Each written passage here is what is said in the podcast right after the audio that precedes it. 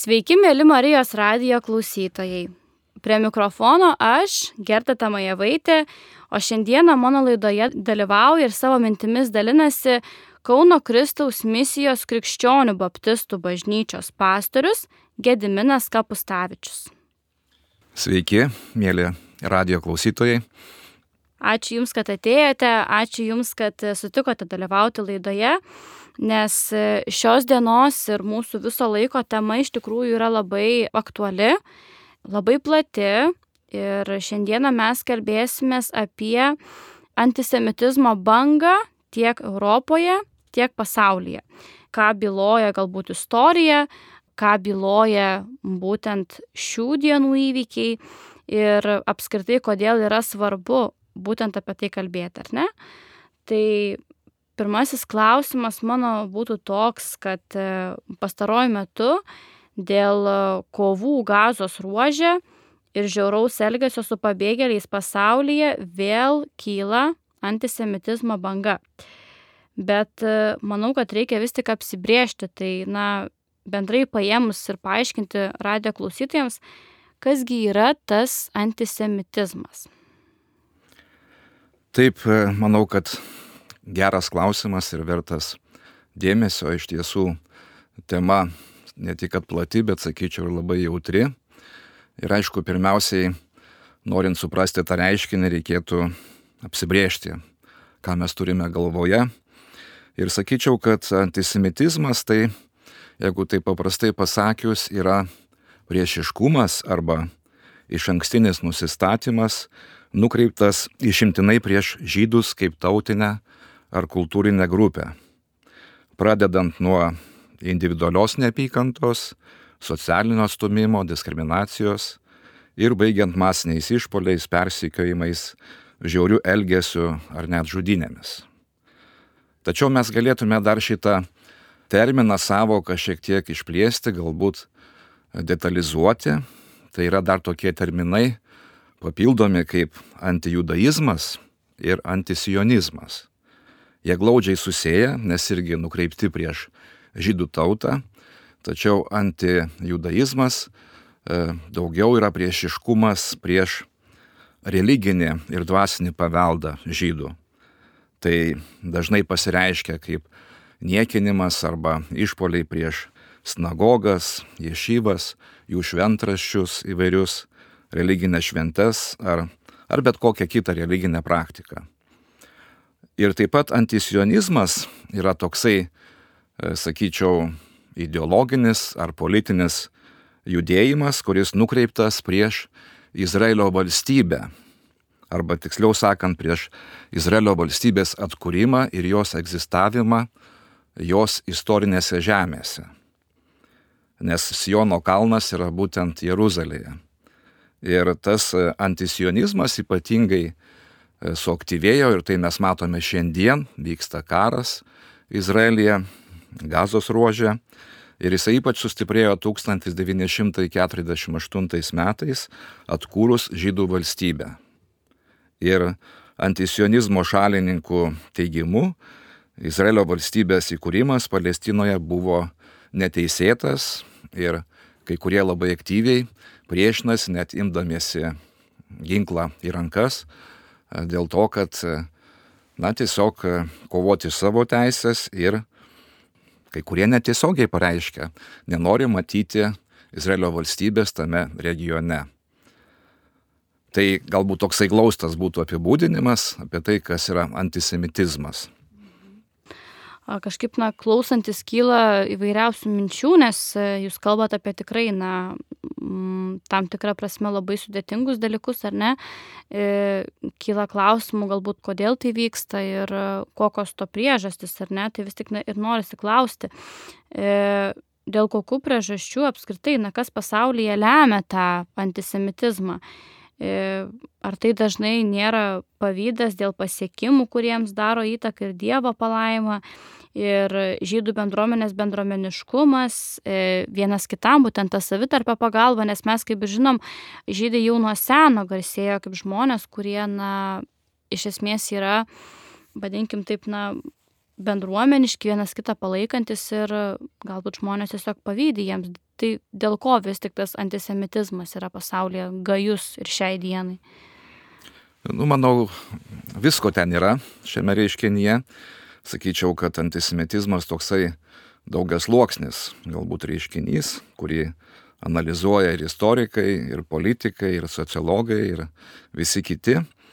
Kadangi aš esu dvasininkas, pastorius, tai bandau suprasti giluminės dvasinės šio reiškinio priežastis, kurios tikrai yra. Ir man rodos, kad būtent jos tos dvasinės priežastis kaip tik atlieka pagrindinį vaidmenį antisemitizmo dramoje, ar galbūt reikėtų sakyti tragedijoje. O kad suprastume dvasinės priežastis antisemitizmo, tai, na, paprastai tariant, reikėtų e, žinoti, suprasti Dievo laikyseną šios tautos atžvilgių ir taip pat e, kitų dvasinio pasaulio jėgų, nes egzistuoja tas nematomas dvasinis pasaulis, tai taip pat suprasti ir žinoti jų požiūrį į žydų tautą. Ir aišku, greičiausiai gali kilti klausimas, o iš kur mes tai sužinosime, tai iš tikrųjų apie tai labai daug ir įsamei rašoma šventajame rašte arba Biblijoje. O gal galėtumėte plačiau papasakoti, na vis tik, ką Biblija sako mums apie žydus, apie pačią tautą jų, nes tam tikrus dalykus žinom ar ne, bet Biblijoje labai yra daug dalykų, kurie tiesiog, na, nėra galbūt plačiai visuomeniai, žinomi, galbūt tiesiog nėra visi žmonės skaitę to. Tai ką vis tik pati Biblija kalba mums apie žydų tautą. Na taip, Biblija iš tikrųjų labai plačiai mums e, pasakoja žydų tautos istoriją. Iš esmės visa Biblija kalba apie žydų tautos raidą, jos tam tikrus etapus įvairiais istorijos tarpsniais. Ir Daug galima būtų šią temą kalbėti, tačiau aš noriu galbūt įskirti kelis tokius dalykus, e, užakcentuoti. Pirmiausiai, labai akivaizdu ir šventajame rašte tas matyti, kad Izraelis yra Dievo išrinktoji tauta. Turbūt šią frazę daugelis esam ir girdėję ir ne visi galbūt ją vienodai supranta, vieniems tai skamba kaip kažkokie ypatingi, kodėl čia būtent jie, kodėl ne kiti. Kiti galbūt kaip tik labai palankiai žiūri šitą statusą. Tačiau, kaip sakau, man atrodo svarbu yra suprasti, o tą galime suprasti iš paties šventojo rašto, iš ten užrašyti Dievo žodžiai, jo mintis, koks yra Dievo požiūris. Ir aš vat noriu pacituoti jums vieną, vieną iš Biblijos ištraukų e, pačios pradžios knygoje, kur yra reiškia Dievo pažadas ir Dievo požiūris atskleidžiamas kalbant su Izraelio tautos patriarchu Abromu. Nes, kaip žinome, būtent iš šio žmogaus Dievas ir na, išvedė, kildino visą Izraelio tautą. Ir pradžioje 12 skyriuje, pirmose trijose eilutėse yra pasakyta, kad viešpats tarė Abromui, palik savo šalį, giminės, tėvų namus ir eik į kraštą, kurį tau parodysiu. Aš padarysiu tave didelę tautą, tave laiminsiu ir padarysiu tavo vardą garsu ir tu būsi palaiminimu. Aš laiminsiu tuos, kurie tave laimina ir prakeiksiu tuos, kurie tave keikia. Ir tavyje bus palaimintos visos žemės giminės. Tas įsipildė, tikrai Bromas tapo didelė tauta, mes esame liudininkai, kad Izraelio tauta gyvoja tūkstančius metų, nepaisant tų labai aštriųjų istorijos vingių, visko ten buvo, tačiau ta tauta egzistuoja. Ir Dievas sako, kad šią tautą jisai laimins. Laimins. Ir Dievas davęs pažadą ir taip pat netgi sudaręs sandorą taip su šia tauta ir sako, kad niekas tos sandoros negalės sulaužyti. Pavyzdžiui, kitoje rašto vietoje yra pasakyta, kad tu viešpatie padarėjai Izraelį savo tauta visiems laikams ir tapai jos dievu. 1 kronikų 17.22. Kitoje vietoje e, Dievas sako, kas paliečia jūs, reiškia Izraelio tautą, paliečia mano akies vyzdį. Reiškia, ant kiek Dievui svarbi ši tauta ir jisai pasiruošęs ją globoti ir ginti, jeigu reikės taip. Taip pat e, sako, kad Dievas Abromo palikonėms pagal sandorą atidavė visą žemę, nuo pat Egipto upės iki didžiosios Eufrato upės. Ir šiandien kyla diskusijų, eina kalbos apie tai, ar žydai tiesėtai vėl atkūrė savo valstybę toje žemėje, bet tai yra pagal Dievo žodį, nes Dievas yra žemės e, ne tik kuriejas, bet ir valdovas, taip. Jisai tautas apgyvendina tam tikrose vietose, taip skirtingais laikais.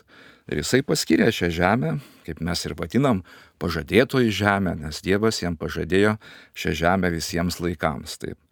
Taigi daugybė, daugybė galima žvelgti tokių Dievo pažadų, netgi čia savai žodžiais gar persakysiu, kad Dievas vienoje vietoje sako, kad jeigu nustos šviesti Saulė, Menulis ar žvaigždės, tai sako ir tuomet Izraelis nustos būti mano tauta.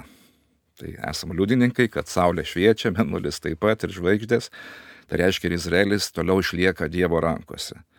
Tai vad svarbu suprasti šituos E, kaip sakant, pamatus, ne? Dievo pažadą, sandorą, kuri yra, na, nekintama, net šaukiama. Galbūt kai kam kils mintis, e, kad, na, tikrai istorijoje būta ir vis, mes žinom, kad apie 2000 metų Izraelis kaip tauta negyveno savo žemėje, istorinėje, taip jie buvo įsklaidyti tarp tautų, bet nepaisant to, Dievas vėl jo surinko. Ir aš vėliau pacituosiu dar vieną ištrauką, kurie apie tai liūdija, ta pranašystė jau yra įsipildžiusi, taip mūsų laikais mes esam liudytojai. Bet e, galbūt čia reikėtų pabrėžti, kad mes suprastume, kodėl Dievas tą tautą, na, įsirinko. Ir, kaip sakau, kai kurie manęs klausia irgi, kodėl būtent šią tautą, kodėl ne kitas tautas, o ko mes prastesni. Taip. Tai klausimas, aišku, kiekvienas klausimas turi savo vietą, tačiau Dievas išsirinko Izraelio tautą ne todėl, kad jam mažiau rūpi kitos tautos. Dievas myli visus žmonės, mes esame jo kūriniai, taip. Bet Dievas išsirinko šią tautą, kad per ją palaimintų visas kitas tautas. Iš tikrųjų, Dievo sumanimas ir planas yra per šią tautą palaiminti visas kitas tautas, kaip jisai Abromui ir sakė. Tu būsi palaiminimu, taip, ir tavyje bus palaimintos visos žemės giminės, tame tarpe ir lietuvių tauta. Taip. Tai aišku, sakysite, kame tas palaiminimas, taip, kame čia uh, mes esam palaiminti per žydų tautą. Tai aš labai glaustai dalykus, kuriuos visi žinome, taip tikrai visi žinome. Visų pirma, šventasis raštas, Biblija, atėjo per, arba buvo duota per šią tautą. Taip, Senas testamentas per žydų pranašus, Naujasis testamentas irgi visi Naujojo testamento knygų autoriai buvo žydai, na galbūt dėl Luko ten šiek tiek abejonių kyla kilmės, bet iš esmės šventasis raštas buvo duotas per žydų tautą. Dievas, kaip sakant, mums pranešė savo valią, savo žinę, savo įstatymus ir mes krikščionys dabar naudojamės, e, reiškia Bibliją, Senojo ir Naujojo testamentu, kuris buvo duotas ši knyga mums duota apreikšta per šią tautą. Dar svarbesnis dalykas, tai, tai mūsų gelbėtojas ir viešpats Jėzus Kristus yra žydas. Tai jisai atėjo būtent per šią tautą. Dievas, žodis tapo kūnu, gyveno tarp mūsų ir kaip žinome, Kristus gimė irgi žydų šeimoje, iš mergelės Marijos, taip. Ir buvo žydas, iš judo giminės, taip visa jo kilmės knyga, tas e, kaip genealoginis medis, mes kiekvienoje Evangelijoje skaitome iš esmės apie jo kilmę. Jisai buvo tikrai žydas iš žydo giminės, taip ir jisai yra gelbėtojas visiems žmonėms. Mes krikščionys kelbėme Kristų kaip gelbėtoją, atpirkėją, kuris yra vienintelė viltis e, kiekvienos tautos žmogui. Taip. Ir trečias dalykas, mums krikščionims labai brangu, taip, kad pirmoji bažnyčia irgi buvo Jeruzalėje, atėjo žydų tautos. Tai jūs matote ir Biblija, ir pats Kristus, ir bažnyčia taip atėjo į žydų tautos. Taip Dievas panaudojo šią tautą kaip įrankį, kad palaimintų visas kitas tautas. Aišku, kaip žmonės reaguoja, tai nepaslaptis, tos reakcijos būna skirtingos, ne visi žmonės ieško Dievo, ne visi žmonės skaito šventąjį raštą, ne visi žmonės sutinka su krikščionybė, yra skirtingų požiūrių, aš suprantu taip, bet žiūrint va, šios perspektyvos, tai Izraelio tauta yra tikrai Dievo išrinktoji tauta, bet tam, kad Dievas mus per ją palaimintų. Taip. Taigi ir tas antisemitizmas, kuris nukreiptas prieš žydų tautą, todėl, kaip aš ir sakiau pradžioje laidos, mano galva jis yra labiau dvasinis reiškinys, nei kultūrinis, politinis ar etinis, ar, ar dar kažkoks tai taip, nes tai labiau susijęs su Dievo tikslais, jo planais, e, mums visiems, tai pasaulio gyventojams, o ne konkrečiai su žydų tautybės žmonėmis, kurie daugiau mažiau yra tie Dievo įrankiai jo rankoje. Ir dar vieną svarbę mintį čia norėčiau pabrėžti, nes matot, Biblija daug ką kalba apie Izraelį, tikrai yra ką pasakyti, kad Izraelis taip pat, na, va, mes čia pažvelgiam va, Dievo požiūrį, jo reiškia laikysena Izraelio tautos ir valstybės atžvilgių, bet dabar yra tos kitos dvasinės jėgos. Ne tik Dievas, šventoji dvasia, angelai, bet taip pat yra puolė angelai, vadinami demonais, tas dvasinis nematomas pasaulis, kuris visuomet veikia uh, nukreiptai prieš Dievo tikslus. Tai ir Izraelis šiuo atveju, kaip Dievo išrinktoji tauta, tampa šio demoniško pasaulio, pasakyčiau, taikinys. Ir antisemitizmas, kurį mes šiandien matom, ta banga kyla antisemitizmo vėl, arba praeitam šimtmetį buvo labai didžiulis e, baisus dalykas holokaustas, taip tai iš tikrųjų jis nėra naujas reiškinys. E, šventajame rašte, Biblijoje mes atrandame ne vieną bandymą sunaikinti žydus praeitie. Jeigu jūs man leisit, aš galiu keletą pavyzdžių paminėti. Taip, e, žydai 400 metų gyveno Egipte. Iš pradžio jos tam prieėmė labai sveitingai dėl Jozapo, tačiau vėliau prasidėjo jų, kaip sakant, suspaudimas, persekiojimai ir faraonas iš pavydo, iš baimės, kad netaptų galingesnė tauta žydai, jis išleido įsakymą, kad jeigu gims žydų mergaitė, tegul gyvena, bet jeigu gims, reiškia, berniukas, buvo įsakymas jį nužudyti. Ir tokiu būdu mes žinom, tokiom sąlygom į pasaulį atėjo Mozė, žydų vadovas, kuris vėliau ir išvedė šią tautą iš Egipto vergovės. Ir buvo nužudyta daug žydų, kaip sakant, gimusių berniukų. Ne? Paskui Esteros knyga Senajame testamente mums kalba apie dar tokį masiškesnį reiškinį, kai, reiškia, Medų Persų imperijos karalystėje, tuo metu ši imperija valdė 127 kraštus šalis, taip tikrai imperija buvo, karalystė. Ir iškilo toks kunigaištis Hamanas, kuris, reiškia, na tiesiog degė neapykantą Izraelio žydų atžvilgių. Ir jisai klasta iš karaliaus išgavo, reiškia, tokią teisę išleisti įsakymą, kad visi imperijoje gyvenantys žydai būtų sunaikinti. Visi. Ir buvo parašytas, reiškia, laiškas visiems kraštams, tai aš jums galiu pacituoti labai tiksliai. Ir laiškai buvo įsiusti per pasiuntinius į visus karaliaus kraštus, kad per vieną dieną, tai yra 12 mėnesio vadinamų Adarų 13 dieną, išžudytų ir išnaikintų visus žydus. Jaunus, senus, moteris ir vaikus, o jų turtą pasimtų. Ir įdomiai ten įvykiai labai klostėsi, kad galiausiai viskas apsisuko ir nebe Dievo malonės, aš tikiu taip, priešingą pusę, kad galiausiai e, buvo išleistas paskui kitas karaliaus įsakymas. Aišku, ten įdomios aplinkybės, kai viskas klostėsi, bet e, finalinis rezultatas buvo toks, kad kai susirinko žmonės įvairiuose kraštuose žudyti žydus, viskas įvyko priešingai. Žydam buvo leista ginti savo teisės, ir tie, kurie norėjo nužudyti juos, galiausiai patys, reiškia, buvo e, sunaikinti. Ir žydai šiandien turi tą šventę, vadinamą purimas, taip, kai švenčia išsigelbėjimą, žydų išsigelbėjimą iš, iš mirties neuštų, tai Persijos imperijoje. Tai čia buvo gerokai, dar gerokai iki, e, reiškia, Kristaus.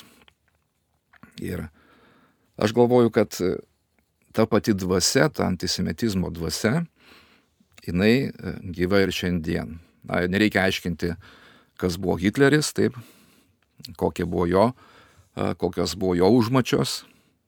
Ir tarp kitko esu girdėjęs, kad Hitleris labiausiai nekentė Esteros knygos.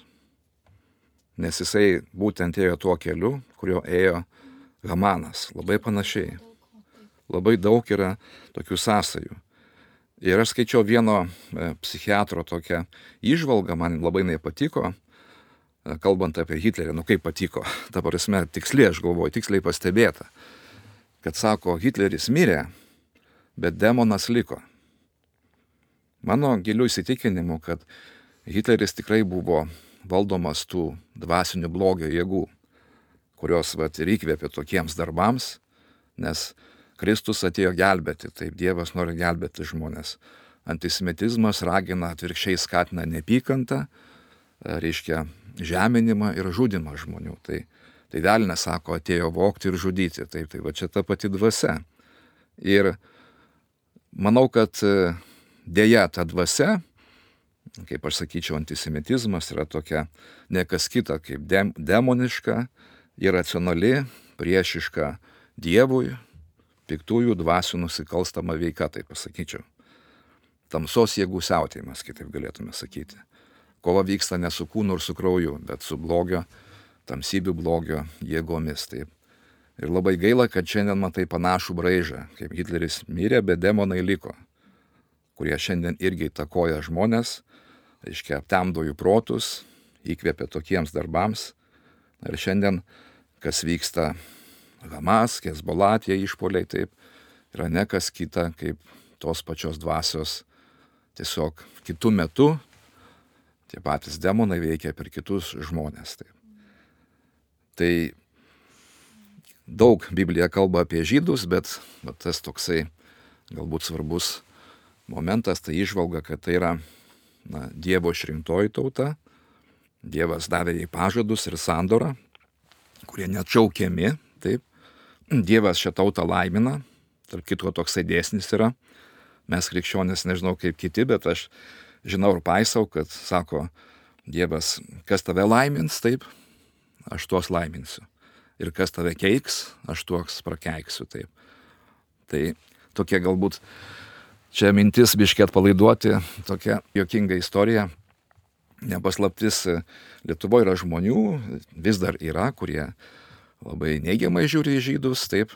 Ir man teko su tokiu susitikti, aš tuomet irgi dėščiau paskaitą. Ir tas žmogus daugeliu nesutiko, ką aš kalbėjau. Ir taip labai buvo nedraugiškai nusiteikęs.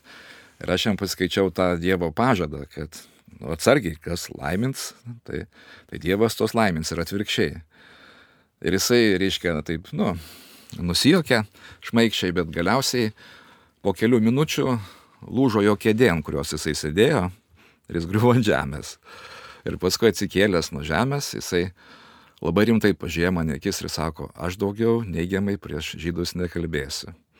Tai tokia labai, nu, aišku, maža, tokia praktinė pamokėlė, Bet tikrai tas pažadas yra, tikrai Dievas gina šią tautą, jos interesus.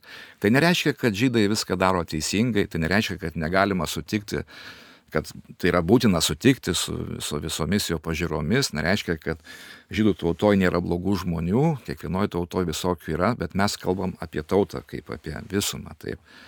Ir šitos tautos Dievas neatsižadės, taip jisai saugos, bet svarbiausiai jinai skirta mūsų palaiminimui, apie kuriuos mes jau kalbėjom. Dievui juk reikėjo kažkokią tautą įsirinkti, per kurią jisai e, taps žmogumi, nes Dievo sūnus tapo žmogaus sūnumi. Iš tiesų tikrai, na, klausantis kyla labai daug minčių ir e, tokių, na, pastebėjimų ir tikrai, na, ačiū Jums, kad dalinatės taip viską tiksliai, taip sakant, su pavyzdžiais. Mano kitas klausimas būtų vis tik, na, e, Biblijoje, kaip, kaip, nu, kaip Jūs ir pats sakėte, ar ne, yra daugybė tekstų, kuriuose kalbama ap, apie būtent žydus. Kai kurie iš šių tekstų gali būti interpretuojami kaip antisemitiški O kaip mes, na, krikščionis, ar ne, turėtume vis tik tuos tekstus interpretuoti, galbūt kažkaip kitaip jo žiūrėti, koks turėtų būti mūsų kaip krikščionių tikslas. Taip, jūs labai teisingai pastebėjot, kad tą šventą raštą irgi net kartais ir patys krikščionis, ne visą laiką teisingai mes jį interpretuojam, yra tų skirtingų e, pozicijų. Ir tiesą sakant, e, aš nežinau nei vienos Biblijos ištraukos, kuri kažkaip kurstytų neapykantą ar skatintų persekioti žydus. Tačiau antisemitizmo šalininkai iškreipia tam tikras Biblijos citatas E, kad pateisintų savo klaidingas pažiūras. Na, na žmogus, jeigu e, nori kažkaip tai pateisinti, rodyti savo pažiūras, kad ir klaidingas, tu gali Biblijoje daug yra citatų, yra 66 knygos, taip. Tu gali, na, iš konteksto ištraukęs, kaip pasakyti, gali ten, ko nori prisigalvoti ir ką nori pateisinti. Bet jeigu sąžiningai studijuoji, taip, E, tą rašto ištrauką konteksto šviesoje tos knygos, taip atsižvelgia į istorinį laikmetį, kas kalba, kam kas sako, viską ištyrinėjai. Plus Biblija pati savo neprieštarauja, taip turi atitikti visą Biblijos kontekstą. Tada, jeigu sveikai aiškinisi, tuomet tokių, tokių minčių nekyla. Bet yra tokių Biblijos eilučių, kurios, na, taip pat paviršutiniškai pasižiūrėjęs, gali, kaip jūs sakėt, prieiti tokią išvadą, kad, na, savotiškai taip, Ir aš vat vieną tokią e, iš, ištrauką noriu paskaityti ir šiek tiek pakomentuoti, kad būtų aiškiau apie ką kalbu, ką, ką turiu galvoje. Čia yra laiškas parašytas apaštulo Paulius, kuris buvo žydas, tai parašytas, e, reiškia, pagonių bažnyčiai, jau Graikijos teritorijoje, taip Tesalonikų mieste. Ir va štai jisai sako jiems, sako, jūs broliai tapote sėkėjais Dievo bažnyčių Kristuje Jėzuje kurios yra judėjoje. Nesakėm, pirmoji bažnyčia Jeruzalėje, taip judėjai, tai sako, jūs tapote sekėjai.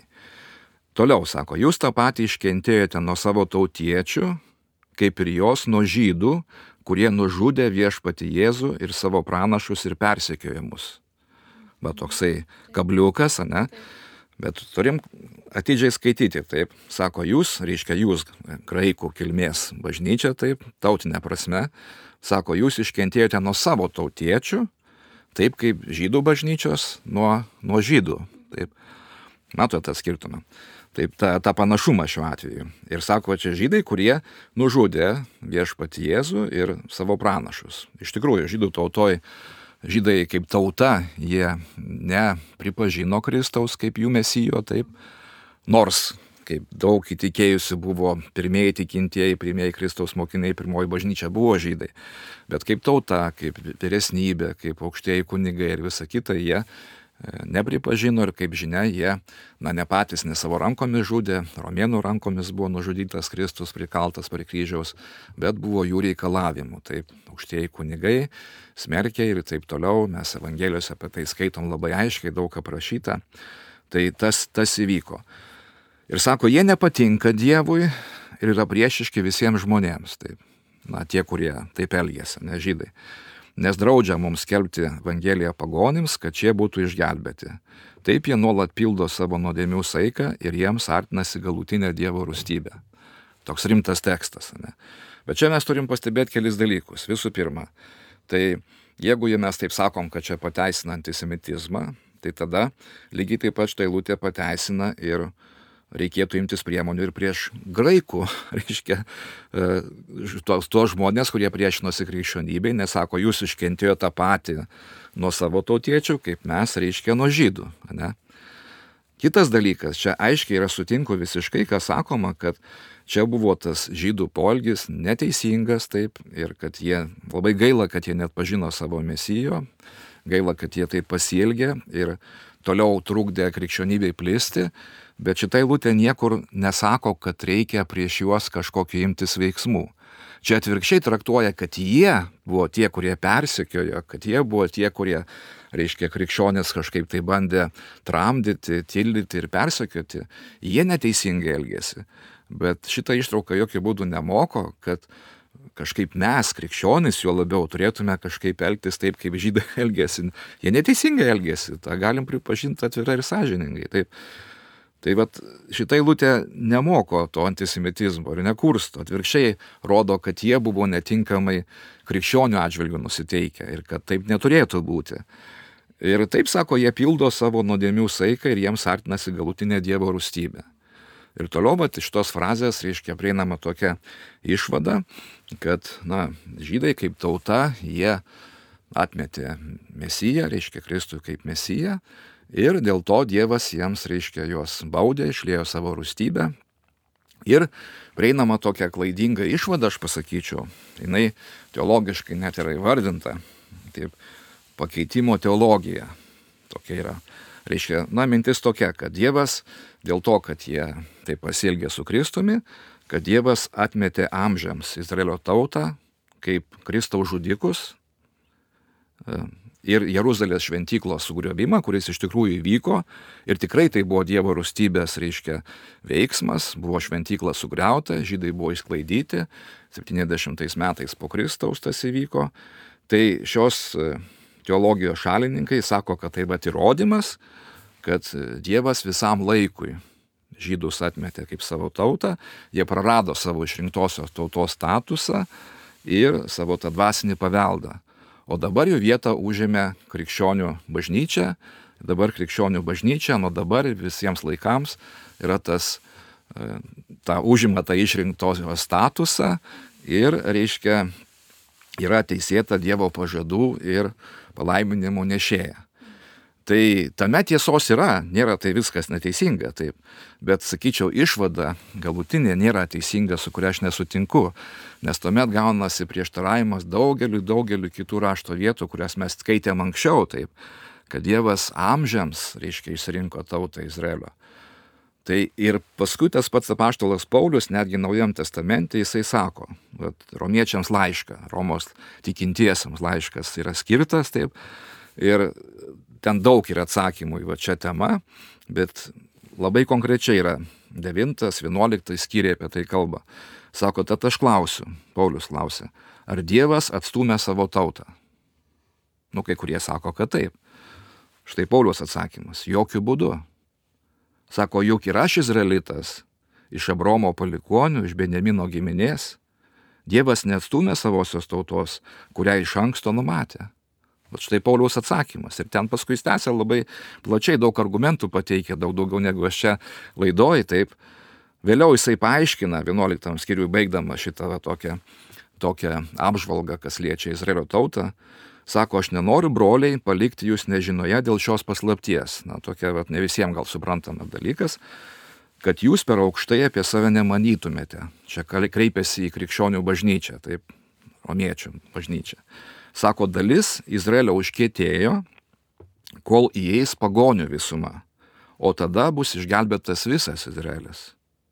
Kaip parašyta, į Siono ateis gelbėtojas ir nukreips bedėvystės nuo Jokūbo tokia bus jiems mano sandora, kai nuimsiu jų nuodėmes. Ir toliau aiškina, sako, žiūrint Evangelijos, jie yra e, Dievo priešai jūsų naudai, bet pagal išrinkimą jie numylėtiniai dėl savųjų tėvų. Juk Dievo dovanos ir pašaukimas neatšaukiami. Einant pamažu iš tikrųjų laidai į pabaigą, norisi dar klausti tokio klausimo. Šio laikiniam pasauliu vis tik antisemitizmas yra problema, ar ne?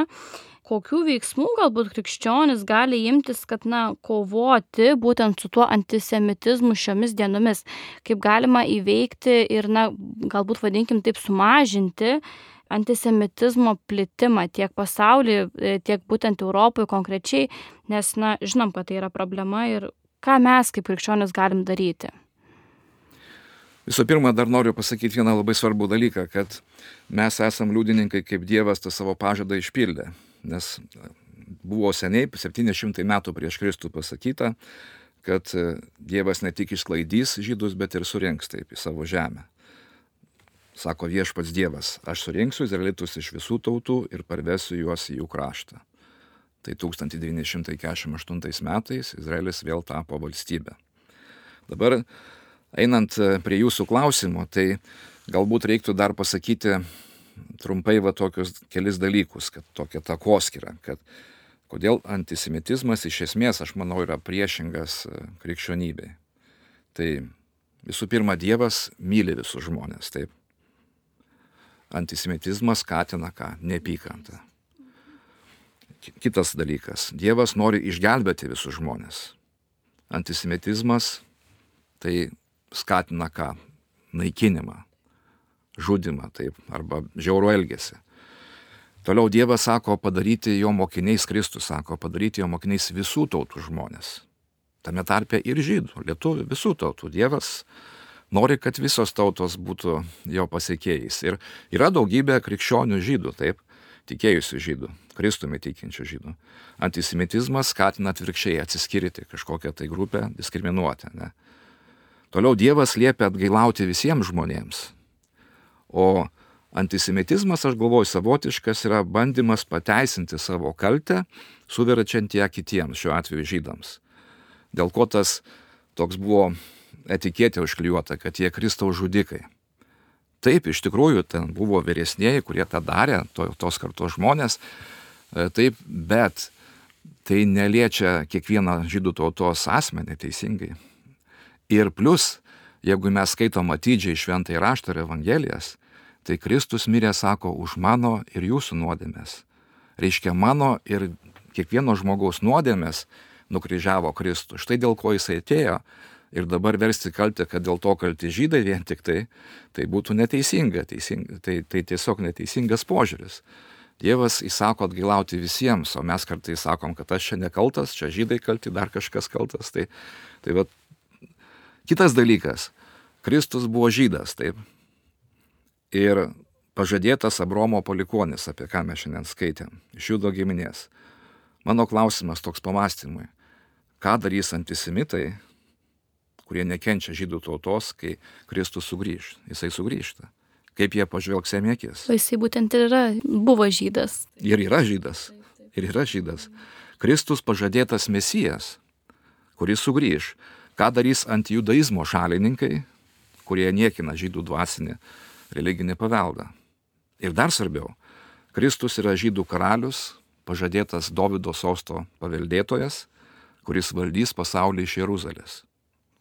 Šiandien daugelis antisionistų sako, kad žydai ten neturi teisės būti toje žemėje, Jeruzalė jiems nepriklauso ir panašiai.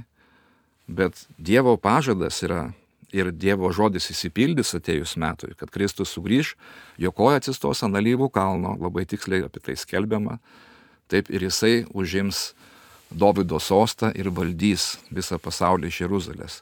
Ką tuomet pasakys antisionistai? Taip, turės savo argumentų, bet e, arba tie, kurie dar blogiau nori ištrinti Izraelį iš politinio žemėlapio. Tai. O ką mes galėtume daryti, kad nepasikartotų tas holokaustas praeitam šimtmetį įvykęs? Tai aišku, pirmiausiai pasimokyti iš istorijos, kad nekartotume praeities klaidų, nes daugelis nesam net labai įsigilinę į tą istoriją, tai tuos dalykus, apie kuriuos šiandien kalbėjome, taip Ir svarbiausia turbūt pradėti nuo savęs, taip, kokia mano laikysena e, ir atsakomybė žydų tautos atžvilgiu. Bet jums pasakysiu labai glaustai, kad dėja mes nepasimokysim iš istorijos ir holokaustas pasikartos. Aš žinau, kad jautri tema, bet jeigu žiūrėm, tai Biblija kalba ne tik tai apie praeitį, bet Biblijos pranašystės taip pat žvelgia į ateitį. Ir sąžiningai ištyręs daugybę pranašyščių, draugė su kitais teologais, sakau, kad bus dar vienas holokaustas ir tai, kas vyksta šiandien, ta kylanti antisemitizmo banga, yra, sakyčiau, galbūt savotiška preliudija į tai, apie ką Biblija kalba. Dėl to šita tema aktuali, nes gali būti, kad tas, tie laikai, apie kuriuos Biblija pranašavo, yra labai arti. Taip ir va, tos, tie reiškiniai, tie procesai jau dabar prasidėjo ir jie rutuliojasi. Ir bus holokaustas dar dėja didesnis. Mes sakom, niekada daugiau, bet panašu, kad bus daug daugiau.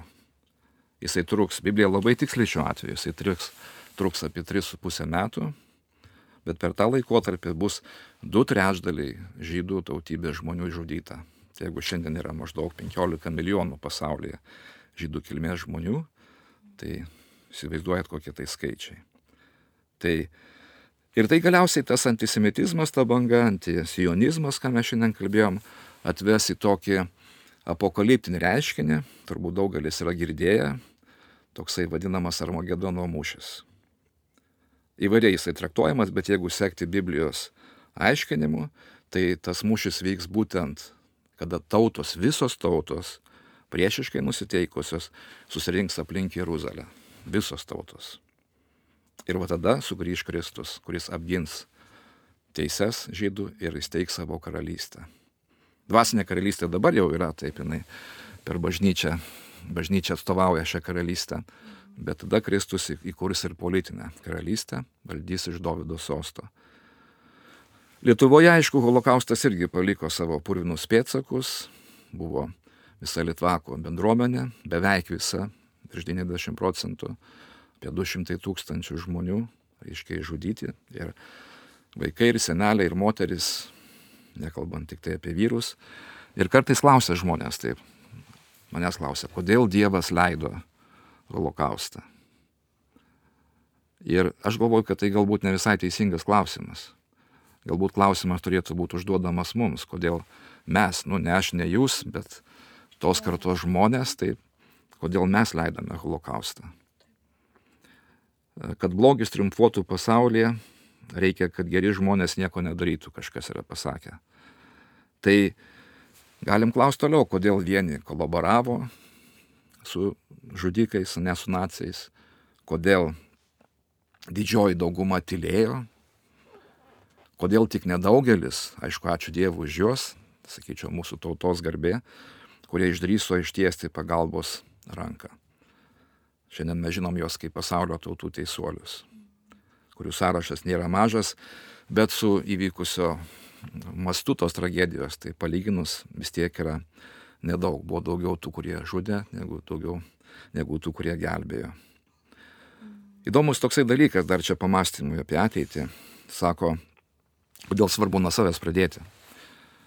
E, yra pasaulio teisuolių medalija, taip kur gauna, va, gelbėja žydų tautybės žmonės, tie gelbėtojai, toksai išrašas, įrašas, išgelbėjęs vieną gyvybę, išgelbėsi visą pasaulį.